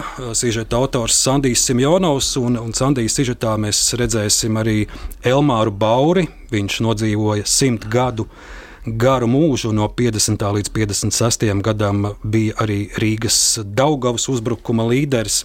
Redzēsim arī, kā prezidents Freiberga skatās hokeja spēli, un arī kā jūs un jūsu ģimene gatavojas čempionātam 2000. gada aprīlis. Hokeja eksperti mūsu izredzes Pēterpilī vērtē atšķirīgi, taču visi ir viensprāts. Izlases sastāvā atjaunināšana nāks tikai par labu. Pirmā ziņas, kas saņemts no Pēterpils, gan neko labu nevēst. kolēģis jau man ir aizbraucis tur, un viņš zvanīja šodien, viņš teica, nu, uh, tur ir tāds būvlaukums apkārtē hallē, ja, un tur izskatās viss, nu, cik no var izskatīties, uh, kā mēs iedomājamies būvlaukumu. Bet, nu, principā ledus tur esot. Elmārs Bauris, kuram ir 82 gadi un kurš vēl aizvien brīvajā laikā uzspēlē hoķi, uzskata, ka mūsējiem galvenais esot izvēlēties savu taktiku. Paši nespēlējiet, bet arī nedodiet pretiniekam spēt. Ne, lai viņi nevienu vārtu nedabū pa vārtiem mest. Tas jau tāds uh, slikts hokejs sanāk. Nekā nevar darīt. Bauris slavē vecāko treneru Vasiljau, taču uzskata, ka puišiem ir daudz dekmes, taču nav daudz tādu, kas varētu iemest rīpu vārtos. Pēdējā spēle, kā bija Frančiem. Trīs, četras reizes iziet pret vārtiem un nevar iemest vārtus. Tas ir slikti. Tas ir slikti. Mm. Manā laikā, laikā es spēlēju, bet es, kad izgāju, es vienmēr metu golus. Treneris Mārs Baldonieks uzskata, ka Latvijas līdzjutē no Pēterpils mājās brauks ar priecīgām sejām. Tādēļ arī viņš prognozē labu hokeju un daudz mūsu hokeistiem iemestās ripas. Kas varētu palīdzēt mums izdarīt? Nu, bez šaubām līdzjutēji. Tie ir, tie ir, man liekas, pasaules klases līdzjutēji. Mēs nevaram vinēt ar zvaigznēm, ja mums ir tikai viena zvaigzne. Tā pa īstam mēs skatāmies tur ir, ja, un varbūt skrastiņš aizsardzībā. Ja. Vispārējie mums ir spēlētāji, labi hokeisti, ja, un es domāju, mēs kā laba komanda varam tikai izcelties tur. Jāatzīst, ka hokeja līdzjutēji pulkā šajās nedēļās ir ne tikai uzņēmēji, studenti, ārsti, bet arī ministri un valsts prezidenti. Galvenais talants mums. Jānis Sprukts. 104 km 90. Skaisti. Nu, labi. Tad turpiniet tālāk. Ja? Mēs, mēs sekosim un, un gaidīsim rezultātus. Ja? Jā. Tikmēr politiķi sākuši slēgt ne tikai derības, bet jau droši pauž savas prognozes. Mēs brauksim ar visu ģimeni un, protams, lielākās teiksim, Atribūti, kas izkāršanas notiek uz mūsu bērniem. Mēs jau tas jau tā drusku uzmanīgāk, vai ne? Bet bērni jau tiks izkrāsoti un, un uztaisīti. Bērni tiks izkrāsoti. Tā Aigars Kalvīts 2000. gada aprīlī nu Sižets ir tapis vēl pirms šīs leģendārās spēles ar, ar Krievijas izlasi. Te mēs redzējām arī tā brīža Latvijas hokeja jauno paudzi, tiek pieteikts, piemēram, Jānis Sprukts un, un redzam arī Artur Irbu un daudz, daudz citus. Jā, no 2000. gadā tas bija ļoti augsts pavasaris. Mēs atbraucām uz Pēterburgu, tiešām saģērbušies ar visā hokeja atribūtikā, un bija nu, daži plusiņi tikai ārā. Tas bija ļoti augsts čempionāts. Bet viņš bija ļoti karsts uz laukuma. Latvijas izlase spēlēja ļoti labi, un, un, un šī leģendārā uzvara, protams, arī godam tika atzīmēta visā valstī. Es atceros, arī bija pirmā laikam tāda īsta parāda, kad hokejs sagaidīja, viņi brauc pa mērķa ielu, un, un, un tie bija īsti svētki Latvijā. Paliksim Kalvīškungs vēl pie 2000. gadu sākumā. Jūs tajā laikā esat ekonomikas ministrs, un, protams, jums ir arī daudzas uh, uzstāšanās no saimnes tribīnes. Es izvēlējos tikai vienu. Uh, piemēram, uh, tas būs fragments no 7. saimas uh, sēdes 2002. gada martā. Šeit ir gara spriešana par to, vai vajag atslapenot līgumu, tā saucamo jumta līgumu starp Latvijas Telekom un Tilts Communication. Un te būs mazs maz fragments, kur mēs dzirdēsim jūsu tādu diskusiju ar Kārlu Leiškalnu, to laiku saimnes deputātu, un jūs tur pieminēsiet arī, arī zolītes un kāršu spēlēšanu. Aigars Kalvīts saimnes tribīnē 2002. gada 6. marts, un to laiku Aigars Kalvīts ir ekonomikas ministrs. Aigars Kalvīts, ekonomikas ministrs. Saimnes priekšsēdētāja kungs, ministra kungs, cienījamie deputāti. Šodien kārtībā reizi ir sapulcējusies, lai spriestu par Latviju. Kas tad patiesībā ir šis trīs Latviju lietā? To deputātiem vajadzētu pamatā saprast. Šis ir komercstrīds, kur valsts kā 51% akciju turētājs piedalās tiesā kā uzņēmums, kā akciju turētājs. Šeit nav tiesā jālem par to, vai jāceļ kāds valdības vai saimas pieņemtais likumprojekts vai normatīvais dokuments. Šeit ir klasiskā izteiksmē strīds starp diviem īpašniekiem par savu komerci interešu aizstāvību. Un šeit nav nekādas atšķirības starp valsti un uzņēmumu. Un kā deputāti droši vien zina, īpaši tie, kas ir nodarbojušies ar uzņēmēju darbību ka šādi komercstrīdi tiek risināti šķīrējtiesās. Leškalnu kungs, jūs kā atzīts solīts spēlētājs, to jūs darat katru piekdienas vakaru un dažreiz vēl biežāk. Kad jūs spēlējat kārtas uz naudu, jūs taču savas trumpas nerādiet saviem pretiniekiem. Nu, varbūt Irganam, bet tad jūs parasti zaudējat. Jūs zaudējat šo spēli. Un šī gadījumā, kurš var uzņemties atbildību šodien, teikt oponentiem savus argumentus publiskā veidā? Vienalga, vienalga, vai tas ir saistībā ar mierlīdzīgumu sarunām, kur arī mēs turam savas intereses ļoti augstu. Nu, arī ieskatām pietiks tā runa krietni garāk, bet runas beigās jūs arī uh, sakat vārdus, ka skatoties ar šodienas acīm, varu viennozīmīgi teikt, ka jumta līgums Latvijas valstī nebija izdevīgs Latvijas pārdošana daļa, kā tā notika, jūsuprāt, nebija Latvijas valsts izdevīga. Nu, arī, arī, protams, tas ir. Tas bija 90. Jā, sākums un jā, vidus, kad jūs vēl ar pienu, pienu nodarbojāties. Jā, es nodarbojos ar pienu.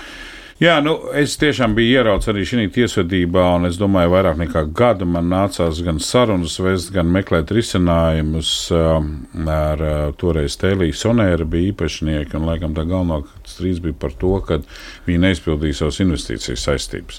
Bet tajā pašā laikā, ja mēs paskatāmies tā uh, ģenerāli uz šo jautājumu, nu, mums bija vienas no labākām, modernākām telekomunikācijām Eiropā. Un vēl joprojām tas tā ir. Ja mēs pabraucam uz daudzām vecajām Eiropas valstīm, tik labi mobīlo un internetu sakara, kādi pie mums visdrīzāk ir reti, kur sastopami. Par to nav strīds, bet, bet atgriežoties pie tās jūsu saimnes runas, kur jūs redzējāt, kas Latvijas valstī nebija izdevīgi šajā darījumā?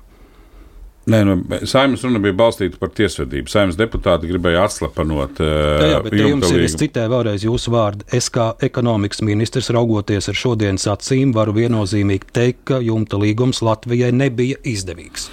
Nu, Pirmkārt, tās kapitāla daļas tika atdotas pret uh, saistībām ieguldīt naudu.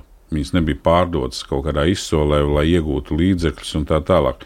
Un tās saistības netika izpildītas. Tas bija galvenais strīda pamats. Tātad nu, investoram vajadzēja ieguldīt naudu un izpildīt savas saistības. Un mēs griezāmies ar pretenziju, ka viņi šīs saistības nav izpildījuši. Viņi iegūši ir uzņēmumu par ļoti lētu cenu, bet savu daļu nebija izpildījuši. Bet to laiku Latvija, kur tik, tikko vispār bija sākusi atspērties, arī samaksāja milzu naudu dažādiem pasaules advokātiem, lai it kā tas būtu mums izdevīgi. Jā, mums bija no, noalgoti laikam no Londonas advokāti, kas mums pārstāvēja šajā tiesā. Nu jā, bet šī tiesvedība, nu, tāda viņa ne tikai bija tiesā, bet arī paša līguma slēgšanas laikā. Jā, jā, bet tie līguma slēgšanas advokāti jau ne, mums nepalīdzēja tiesāt. Tie mm. jau mhm. bija citi advokāti, kas, kas šo līgumu sagatavoja.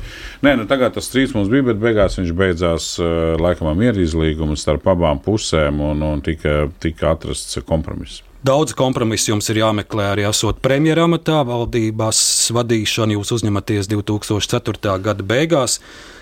Ļoti daudz, kas tur ir pieredzēts. Es paņemšu tikai to pašu pirmo gadu, 2005. 5. gadu. Un, ko dara premjerministrs? Viņš saka arī jaungada uzrunu. Un 2005. gada 31. decembra mm, jaungada uzruna ir zīmīgi arī ar to, ka jūs pieminat uh, šo nu jau leģendāro frāzi, kas ir jums saistās par uh, treknajiem gadiem. Un uh, Latvijas radio fonotēkā jūsu jaungada uzruna ir saglabāta. Tad nu, klausīsimies, kā Aigars Kalvīts sveic Latvijas tautu naktī no 2005. uz 2006. gadu. Šis gads ieies vēsturē ar daudzām labām ziņām. Latvija ir visstraujāk augošā tirgus ekonomika pasaulē. Mēs esam pasaules čempioni izaugsmas tempos. Pagājušajā gadā ir bijis visstraujākais koprodukta pieaugums Latvijas vēsturē, vislabākā nodokļu iekasēšana un apstiprināts vislielākais budžets valsts vēsturē. Pagājušo gadu ir bijis vislielākais darba algu pieaugums, un nākamajā gadā tas turpināsies. Pirms gada šajā stundā es teicu, ka mums ir vajadzīgs vēl viens izrāviens. Izrāviens ir sācies. Un mēs esam radījuši visus priekšnoteikumus, lai tas neapsīktu turpmākos septiņus gadus. Nākošajiem septiņiem gadiem mums izdevās izcīnīt 5,7 miljārdu eiro. Tas ir ļoti liels stimuls attīstībai. Es gribētu ticēt, ka mūs ir aizskāris tas, ka mēs esam nabadzīgākā valsts Eiropā. Es gribētu ticēt, ka mēs esam kļuvuši par pasaules čempioniem tieši tāpēc, ka esam saņēmušies. Mēs negribam būt pēdējie. Tas ir tas, ko mūsu sirdis mums saka. Tā ir sajūta, kas spēj mūs vienot. Sirdī mēs visi gribam lepoties ar Latviju. Tā ir sajūta, kas spēj mūs vienot. Un kur vienotība, tur panākumi. Mūsu nākamais uzdevums ir jau nākamgad apdzīt Poliju pēc koprodukta uz vienu iedzīvotāju. Pēc tam piecu gadu laikā iekļūt Eiropas bagātāko valstu 20. un vēl pēc pieciem gadiem pasaules bagātāko valstu 20. Tā ir mana vīzija. Tas ir mans nacionālās attīstības plāns. Mīļie tautieši, ja netiks sadarītas muļķības, tad mums priekšā ir septiņi bagāti gadi. Treknie gadi jāatcerās Jāzep. Mēs jau tagad esam pasaules čempioni attīstības tempu ziņā. Mums ir visas iespējas tuvāko desmit gadu laikā sasniegt to, par ko mēs visi esam sapņojuši, ejot uz barikādēm. Būt kungiem savā zemē, nevis viestrādniekiem svešā zemē. Mums ir visas iespējas izveidot mūsu mazo Latviju par spožu pērli Eiropas vainagā, par pārtikušu labklājības zemi. Šis gads rāda, ka mēs to varam. Latvijas ministru kabineta un savā vārdā novēlu jums laimīgu jauno gadu. Tā ministrs prezidents Aigars Kalvīts 2005. gada 31. decembrī mīļie tautieši, netiks sadarīts muļķības, mums priekšā ir septiņi bagāti, septiņi trekni gadi. To runu jūs pats rakstījāt, vai jums kāds priekšā uzrakstīja? No, mums parasti bija tas radošs darbs Tautas partijas tādā grupā, kas uh, no sākuma izstrādā idejas, un tad viņas aptēra par tekstu. Nē, nē, es domāju, tā runa bija ļoti laba. Iedvesmojoša, un arī tie laiki, nu, nu 2006. gads laikam bija pirmais gads, vai 2007. gadā, kad vispār mēs pabeidzām gadu valstī ar pārpalikumu budžetu. Nekad mūsu vēsturē nav bijis budžets ar pārpalikumu. Ja nemaldos, pamatbudžetā tie bija 117 miljoni latu, un, un sociālā budžetā vispār bija tuvu miljardam uzkrāta nauda. Tā kā mēs ekonomiski bijām priekšā, mēs arī apsteidzām Poliju nākošajā gadā. Mēs arī apsteidzām Poliju, mēs bijām priekšā lietuviešiem. Mēs bijām priekšā Rumānijai, Bulgārijai, visām tām valstīm, kuras tagad mūs atkal savukārt ir apsteigušas. Kā... Bet es atgādināšu, ko arī jūsu kolēģis, iepriekšējais premjerministrs Andris Bērziņš teica, ka Kalvītam jau bija salīdzinoši viegli strādāt. Viņam vajadzēja domāt, kur naudu tērēt, nevis kur naudu iegūt. Nu jā, nu tā jau politiski oponenti vienādi vai otrādi skaidrs, ka tas bija iepriekšējā valdība liels arī nopelns. Mēs vienkārši ar to darbu, ko mēs uh, sasniedzām, uh, iestājoties Eiropas Savienībā un izdarot tās milzīgās reformas ekonomikā, plūcām laurus. Te nenoliedzam, tas nebija Kalvīša valdības nopelns, tas bija visu iepriekšējo valdību nopelns kopumā. Un, un tā, tas uzstāšanās par tiem septiņiem traktiem gadiem lielā mērā bija saistīta, kad mēs pieņēmām budžetu. Uh, Eiropas Savienības pirmo budžetu uh, nākošiem septiņiem gadiem, kur nekad iepriekš mūsu valstī nebija investīcijas viena miljarda gandrīz apmērā no Eiropas Savienības. Un tas bija tas konteksts, kāpēc es arī teicu, ka nākošie septiņi gadi, ja mēs to naudu pareizi ieguldīsim, viņi mūs nesīs vēl lielākus augļus. Nu, protams, pēc tam sekoja lielā ekonomiskā krīze 8. gadā, kur nu, patiesībā Latvija cieta ļoti smagi, jo mūsu pareks banka sabruka. Tas bija tas rezultāts, kas, kas neļāva pat ne tuvu sasniegt to, ko kā tas izskatījās ar 5. gada acīm. Ja. Vēl paliekot pie šīs jaungada runas, nu, jūs jau, protams, arī zinat, ka ir politiķiem tā, ka viņi var darīt daudzas lietas, un tās vēlētāji sabiedrība ātri vien aizmirst, bet ir kādi notikumi vai pat kādas frāzes, teikumi, kas pielīp. Nu, jums šie traknie gadi, šis izteikums ir pielips, un ļaudis to atcerās ar vienu arī šodien. Te, turpinājumā mazs fragments no 2018. gada. Tā ir Delfi TV intervija ar Jāni Domburu, kur viņš iztaujā prezidentu Vairu Vīķu Freibergu, un, un tur viņi atceras arī, kā šis salīdzinājums ar, ar, ar Bībeli tappa, un, un, un viņai ir versija, ka jūs varbūt līdz galam šo Bībeles stāstu neizpratāt. 2018. gads Vaira Vīķa Freiberga. Prezidentam Kalvītim savu laiku mēģināja atgādināt vienu bībeles stāstu, kur viņš, nu, protams, cilvēks eh, bībeli nepazīst, es mēģināju viņam stāstīt par to, ka Jāzeps bija faraonam padomnieks, Un Faraonam bija šis dīvainais sapnis par septiņām kārnām govīm un septiņām traknām govīm. Ko tas īstenībā nozīmē un kas tas ir par brīdinājumu. Un es teicu, vēl Kalvīšu kungam, jūs tagad grasaties paaugstināt tur algas pa 30%, bet Igauni skatās, lai samazinātu savu deficītu. Ja? Un es saku, jums būtu būtiskāk tagad samazināt Latvijai deficītu un arī inflāciju. Un kad, bet, jā, bet tam man skolotāji ies ielās un, un, un viņi protestēs. Un galvenais, ka Kalvīša kungs bībeli nes, nesaprastams, tad izgāja ārā un presē kļuva slavens ar to, ka stāstīja, mēs dzīvojam traknos gados, un tā tad, nu, tas tā turpināsies bezgalīgi. Bet, nu, tā viņš neteica par to bezgalību, bet tad jūs faktiski atzīstat, ka impulss nāca no jums, tikai tas impulss tika viņš, deformēts. Viņš nesaprata to message. ja negribēja, teiksim tā. Viņš palika pie tā, mums ir trakni traknie gadi, dzīvojam un baudam tos gadus.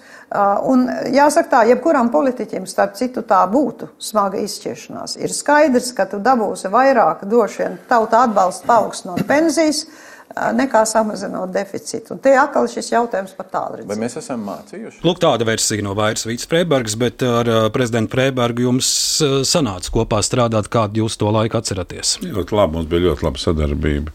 Prezidenta Freiberga ļoti labi pildīja ārpolitikas funkcijas, vienkārši tajā brīdī tas arī bija Latvijai ļoti svarīgi. Un, Un, uh, es gribētu teikt, ka mēs tandēmā nu, kaut arī to pašu Latvijas-Krievijas robežu līgumu, kas bija ļoti smags un karsts kartupeļs, atrisinājām. atrisinājām. Protams, neviegli. Ar pirmo mēģinājumu mums to neizdevās izdarīt, bet ar otro mēģinājumu izdevās, mums ir spēkā esošs robežu līgums ratificēts.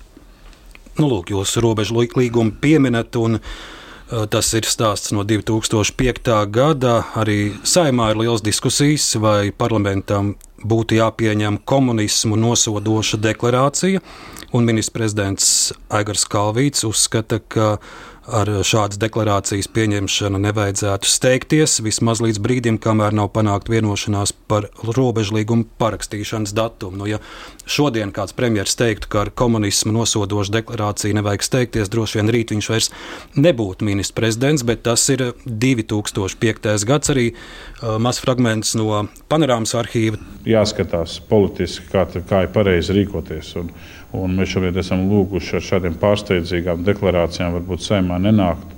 Un, un tomēr, kamēr nav saskaņots parakstīšanas datums, kas varētu arī būt pirms 10. māja, tad nu, šis jautājums varbūt nav tik aktuāls. Tikai jūsu citāts arī, bet, bet lai tas konteksts un saprast, kādi bija toreiz tie kompromisi. Nē, nu, saprotiet, deputātiem, lai izceltos, viņiem ir vienmēr vēlme nākt ar kādām deklarācijām, un, un viņas nāk, es gribētu teikt, atkarībā no politiskās partijas popularitātes tajā brīdī bet ir arī pragmatiskas lietas un arī ir mērķiecīgi mērķi jāsasniedz. Un tādā brīdī, kad mēs vedam ļoti smagas sarunas, lai sakārtotu savu ārējo robežu, kas bija gan Eiropas Savienības, gan NATO noteikums mums, lai mēs to izdarām un mēģināt sāsināt politiskas attiecības ar, ar deklarācijām, nu, man bija politiskā drosme teikt, pagaidām drusceņi, izdarām to pirmo darbiņu, un tad mēs varam darīt nākošo. Nu, jo nu, ļaut vaļu populismam nu, ir ļoti grūti valstī sasniegt kaut ko, ja ļauj populismam valdīt par pragmatismu.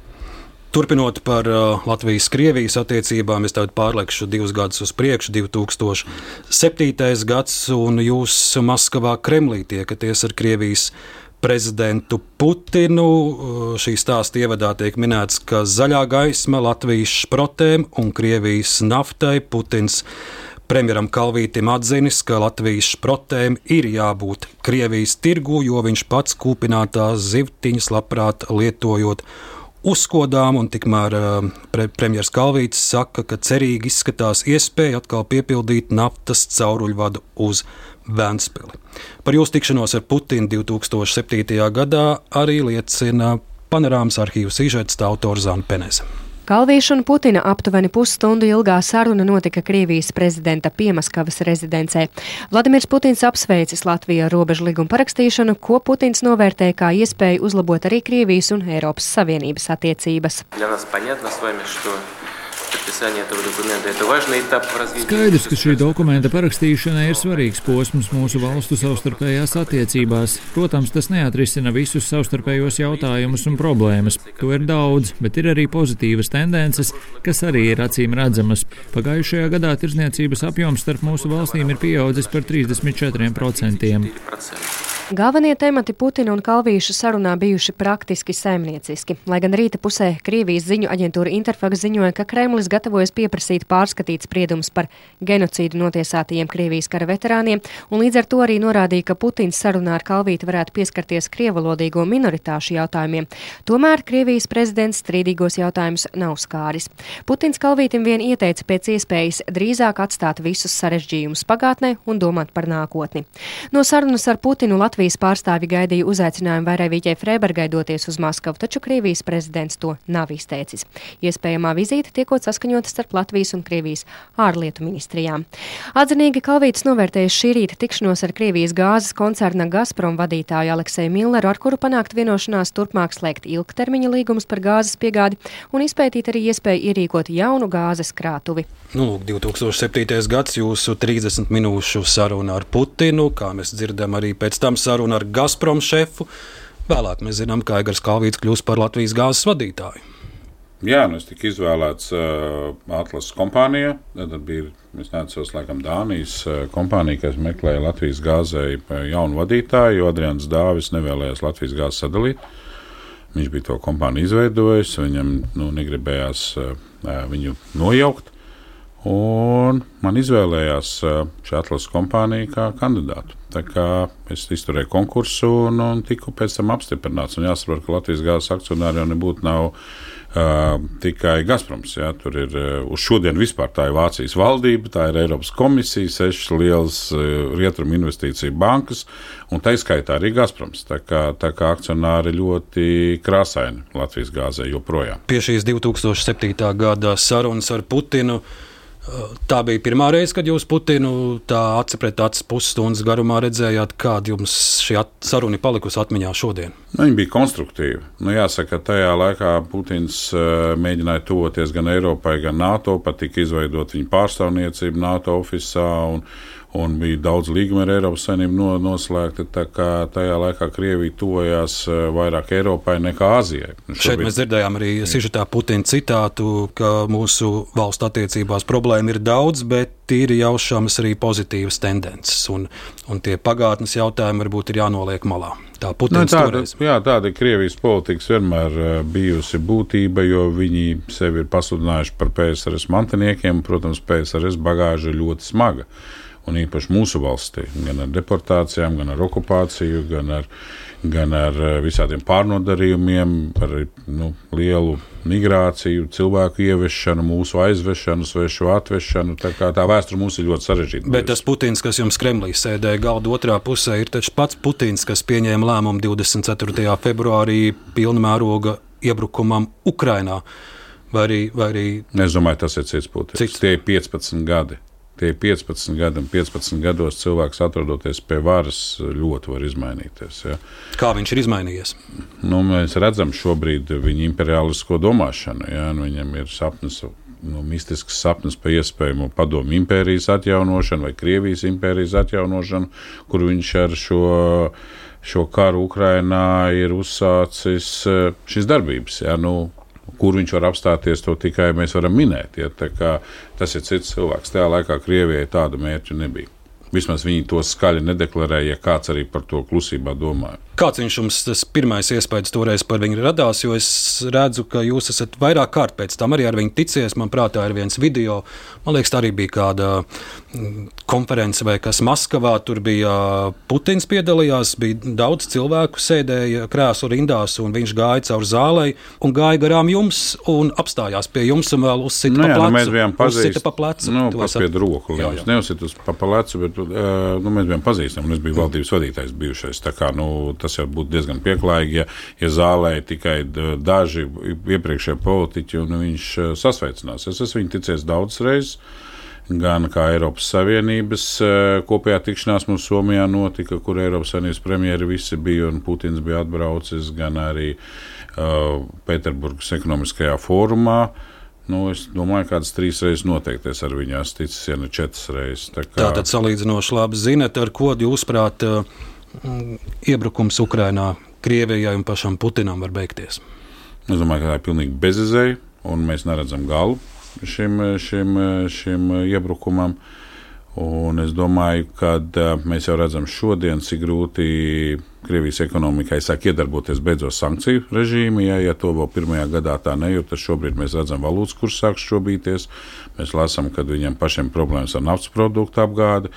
Es domāju, ka Krievijai tas var beigties ļoti slikti. Visi tie kari, ko Krievija pati ir uzsākusi vēsturiski, ja mēs panelizējam, vai tas ir Japānas karš 20. gadsimta sākumā vai, vai arī Somijas uh, ziemas karš, ja viņi vienmēr beigušies Krievijai slikti. Krievijai kari tikai tie, kur viņi sevi aizstāv, ir beigušies labi.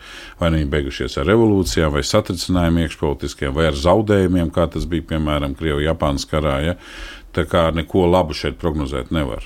Tikai jautājums, cik tas viss ietekmēs visu pārējo Eiropu un visu pasauli, un cik viņš būs ilgs. Uz šo, protams, atbildes, es domāju, nevienam pat gaišreģim nav. Putins nokļūs līdz eh, Hāgas krimināltiesas apsūdzēto solam. Mm, to droši vien ļoti grūti komentēt, jo Krievija ir lielvara, liela valsts. Jautājums, kāda būs politiskā situācija un kurā brīdī viņa būs, nu, tas ir vairāk Krievijas iekšējais jautājums, nevis ārējais.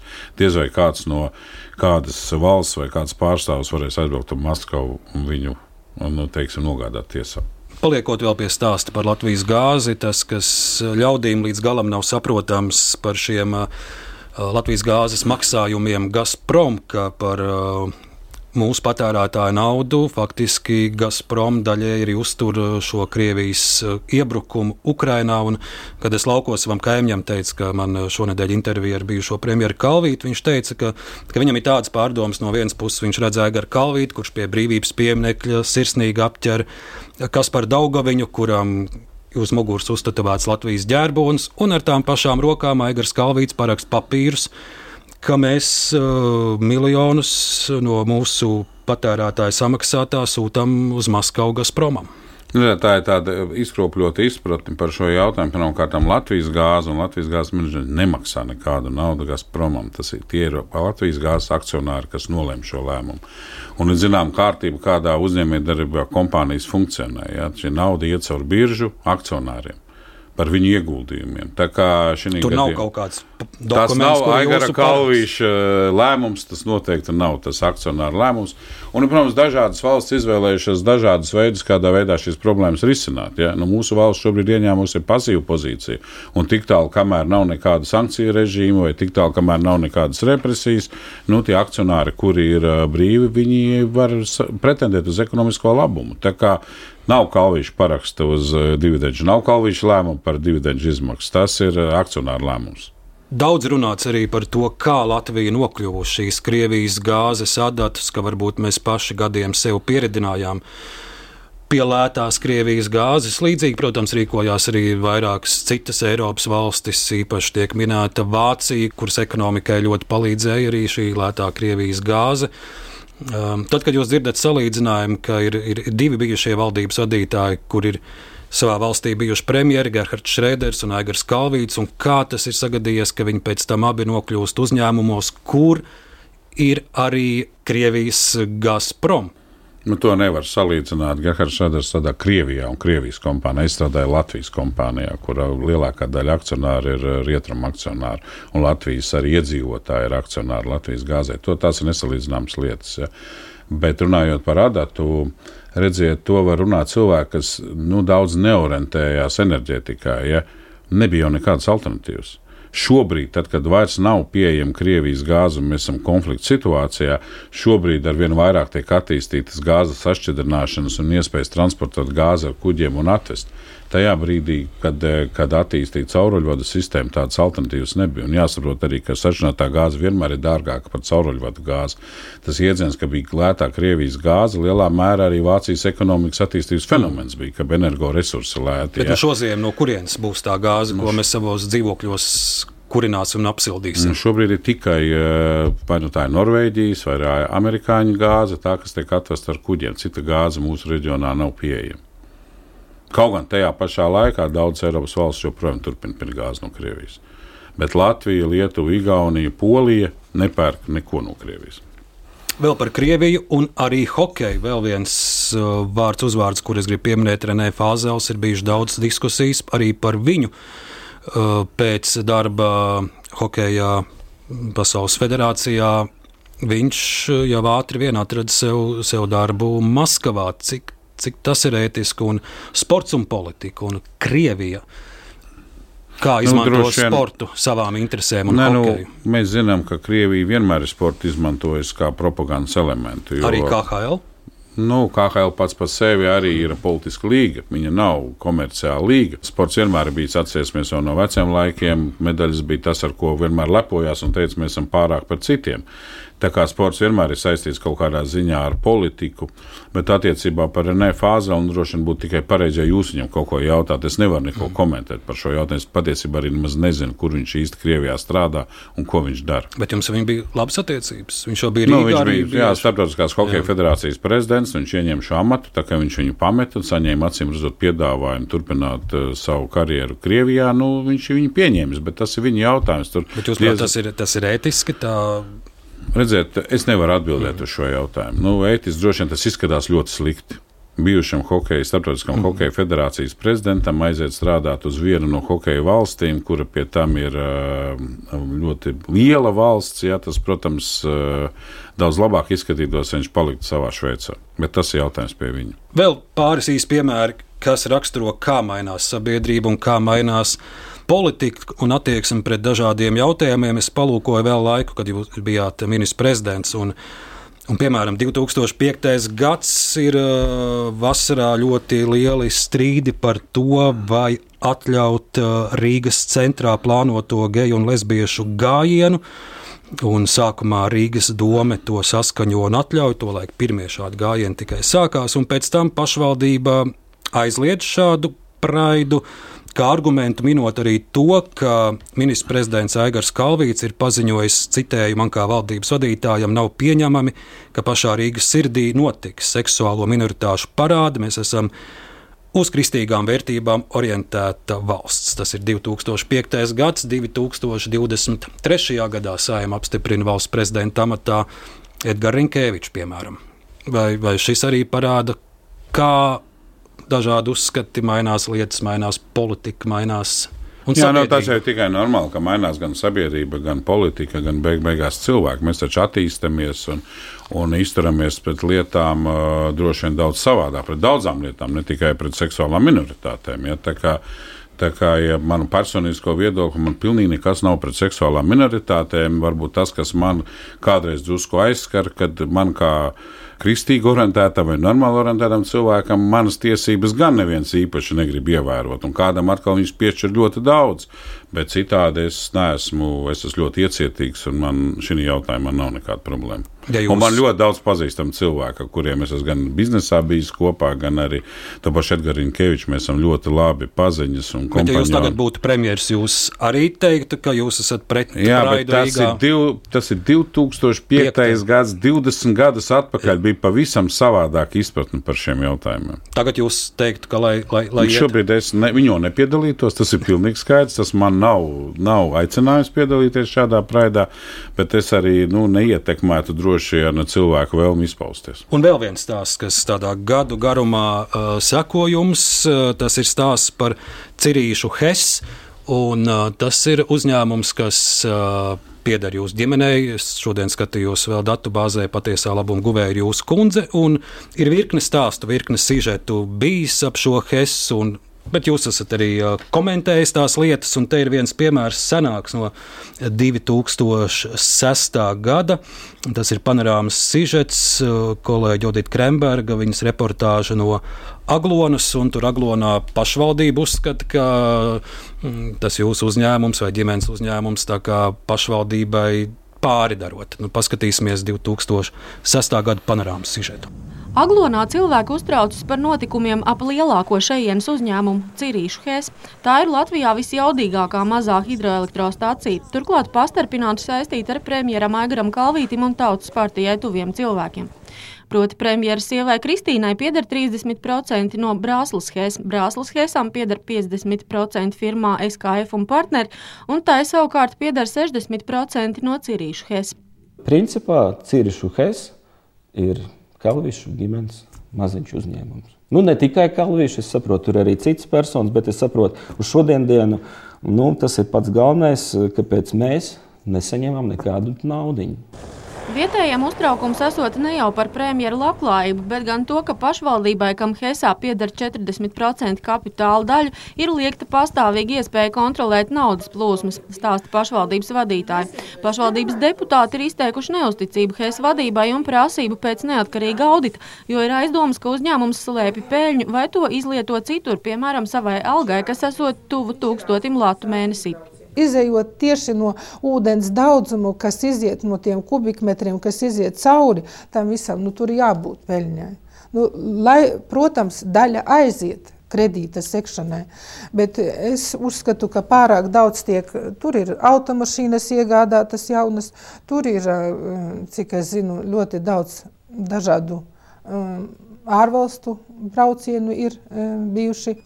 Šejienieši lēš, ka peļņa mēnesī varētu būt ap 30 tūkstošiem latu. No tā pašvaldībai netiek ne santīms, kaut vai bērnu dārza sapuvušo logu nomaiņai nauda būtu ļoti vajadzīga. Nu, arī fragments šeit mēs dzirdam arī Aglonas pašvaldības toreizējos deputātus Evers Mans un Helēna Streiķe. Par šo cirīšu, ka es ik pa brīdim jums mēdījos ir jāskaidrojas? Nē, nu, mēs esam ļoti daudz naudas eh, dividendēs izmaksājuši pašvaldībai, jo nu, pašvaldība ir daudz labas dabas par to naudu izdarījuši. Viņa joprojām ir partners. Un, Un, uh, tas varbūt tajos pirmajos gados bija, kad bija vairāk nekā miljons latu kredīts, lai vispār varētu to vidi sakārtot. Un, un kredītu atmaksājot dabīgi arī nekāda peļņa nevarēja būt. Tā kā, es tur nevarēšu neko sīkāk pakomentēt, bet es tikai gribu pateikt, ka mēs esam sakārtojuši Aglonas pagastā vairākus objektus un vidi, kas ir, mēs neesam izveduši nevienu. Es gribētu teikt, lātu. Mēs mēģinām ieguldīt to naudu visu uz vietas, un to iedzīvotāji visi ļoti labi redz. Šogad pavasarī bija ļoti augsts palu līmenis, vai tas nozīmē, ka Cirīšu Hess eh, šogad būs labi nopelnījis? Es nevarēšu atbildēt, jo es ikdienā nesakoju šīm lietām līdzi. Kundzei nepavaicājāt? Nē.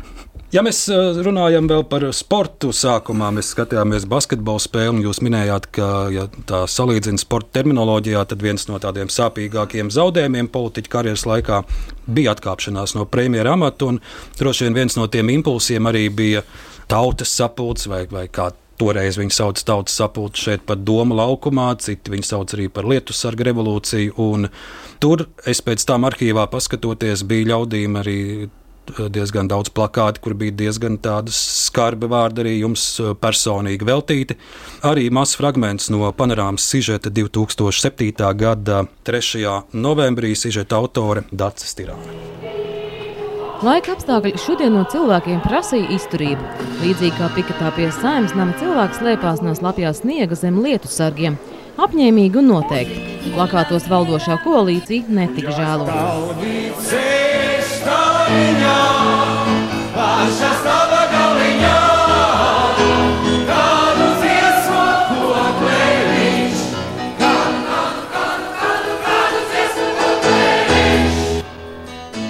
Sabiedrībā pazīstami cilvēki aicināja iedzīvotājus nesamierināties ar varas partiju kurlumu un atgādināt par savām tiesībām.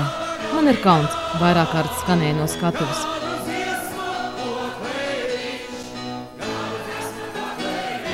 Mēs sanācām šodien, un mēs sanāksim atkal un atkal, lai pateiktu gan visiem esošajiem, gan topošajiem politiķiem, nost ar cīnisko politiku nost ar cīnismu. Latvijas saimnes deputātiem ir jāsaprot, ka saimnes ēka nav nekāds kosmiskais kuģis, kur pēc vēlēšanām var iekāpt iekšā un uz četriem gadiem attālināties neredzamās tālēs. Nu, šeit ar tas sižets ir krietni garāks un stāsts arī, bet uh, Noteikti esat daudz domājis, kas, kas to brīdi notika, kādēļ uh, grupai pērkons ir uh, doma laukumā jādzied vārdi, kalvīts sēž stabiņā, kādēļ publicisti Marina Kosteņecka runā par cinismu politikā. Var teikt, ka, protams, tie bija arī politiskie konkurenti, kas, kas daļēji šo visu organizēja, bet, bet tur bija brīdis, kad um, daļai sabiedrības vārds bija lūdzis. Nu, jā, nu, tādas epizodes Latvijas politikā ir bijušas vairākas reizes, un ir, atcerēsimies to mītīņu, kas bija, kad tika izdemolēta vecrīga un logi tika izsisti vēlākos gados. Tā kā nu, skaidrs, ka politiskie partijas inicē cilvēkiem ir sasāpējušas problēmas, viņi iet un protestē. Nu, Covid laikā mēs arī daudz šādus protestus, desmitiem tūkstošu lielus redzējām, gan pie prezidenta pilsētas, gan tā tālāk. Bet, ja paškritiski arī jāpaskatās, kas tika darīts vai neizdarīts, ka, ka Nē, nu tas viss tika. Jau to, mēs jau šim jautājumam pieskārāmies. Tas bija lielā mērā saistīts ar Luskotovu atbrīvošanu. Ja? Tā kā, tā kā tas bija tas politiskais iemesls, kāpēc šāds mītīņš notika. Nu, citreiz arī saka, ka varbūt tās pārāk ilgi esot tajos amatos, varbūt zūd kaut kāda arī saikne ar, ar, ar sabiedrību vai realitāti. Nu, arī tas droši vien, kad, kad ilgi atrodoties, tu atrodies kaut kādā noteiktā situācijā. Un, jā, tas tā arī varētu būt, kas varētu atstāt iespaidu, jo tu ilgāk atrodies, neteiks, nelietosim vārdu slēgta vidi, mm. jo diez vai Latvijā premjeri vai politiķi atrodas slēgtā vidi, viņi tomēr diezgan pieejami un, un tā tālāk, bet, protams, ka tas nenāk pa labu. Tāpēc jau tās politiskās maiņas bieži vien nes jaunas vēsmas. Un sarunas izskaņā Kalvīša kungs. Man būtu interesanti dzirdēt, kas, kas ir pagātnē bijuši jūsu senči, ko viņi ir darījuši. Jo es palūkojos, jūsu dzimtas koks ir ļoti, ļoti pamatīgi tieši par Kalvīša uzvārda līniju uh, izpētīts līdz pat 1700. gadu sākumam, kur 1715. gadā ir piefiksēts jūsu vecs, vecs, vecs, vecs, vecās Krišs Kalvīts, kurš ir dzimis Līzuma pagastā, un blakus arī no Tirzas jūsu senča nāk. Tā kā Līzums, Tirza, tā ir jūsu tēva dzimtā puse. Jā, tā tas ir, un joprojām es uzturu ciešas saiknes, un, un arī man tur ir mēģina atjaunot īpašumus, un, un tā kā es esmu, gribētu teikt, pāršais mēnesī atrodos. Mm. Tirzā. Šeit es atradu arī arhīvā no 41. gada tautas skaitīšanas. Te ir Cēlā apriņķa, Līzuma pagaste. Gubens. Nu, tā brīdī tas Ā, ir cēlā aprīlis, jā, vecāta mājas. Mājas īpašnieks ir Kārlis Kalvīts, tas ir jūsu vecs, vecs tēvs. Un, un te arī fiksēti visi jūsu senči radi, kas tajā brīdī ir. Arī mans tēvs, Jā, Edmunds Kalvīts. Jā. Un te es atradu arī vienu jūsu vecstāvu brāli, kurš pasēs, teikšu, jaunībā diezgan līdzīgs jums ir izskatījies. Viņš ir bijis rakstvedis Rīgā. Tāds piemērs. Jā, nu, man dzimtas kods no Kalvijas puses ir izpētīts, un viņš tiešām sniedzās tālu. No mammas puses varbūt ne tik daudz, bet, bet nu, ir laiks to darīt. Ir doma arī kādreiz par kādiem politiskiem memoāriem, jo pieredzēts tiešām ir daudz, un daži jūsu kolēģi, bijušie premjeri, jau tādus ir uzrakstījuši. Ne, nu, es jau pašlaik par to neesmu domājis. Man vienkārši nav bijis laika. Es esmu ļoti noslogots ar savām ikdienas gaitām, jau un domāt par, par atmiņām. Droši vien tas pēc gadiem desmit varētu darīt. Nu, man pietiekoši vēl daudz šobrīd, ko nodarboties. Tā saka bijušais ministrs prezidents, arī Latvijas gāzes vadītājs, arī Latvijas hokeja federācijas vadītājs Aigars Kalvīts. Kalvīša kungs, liels paldies par šodienas sarunu! Paldies! Radījuma autori bija Arnēs Krause, Ilza Aginta, Gunārs Plūcis, Nora Mitspapa. Paldies arī Latvijas Nacionālajam arhīvam un turpiniet klausīties Latvijas radio.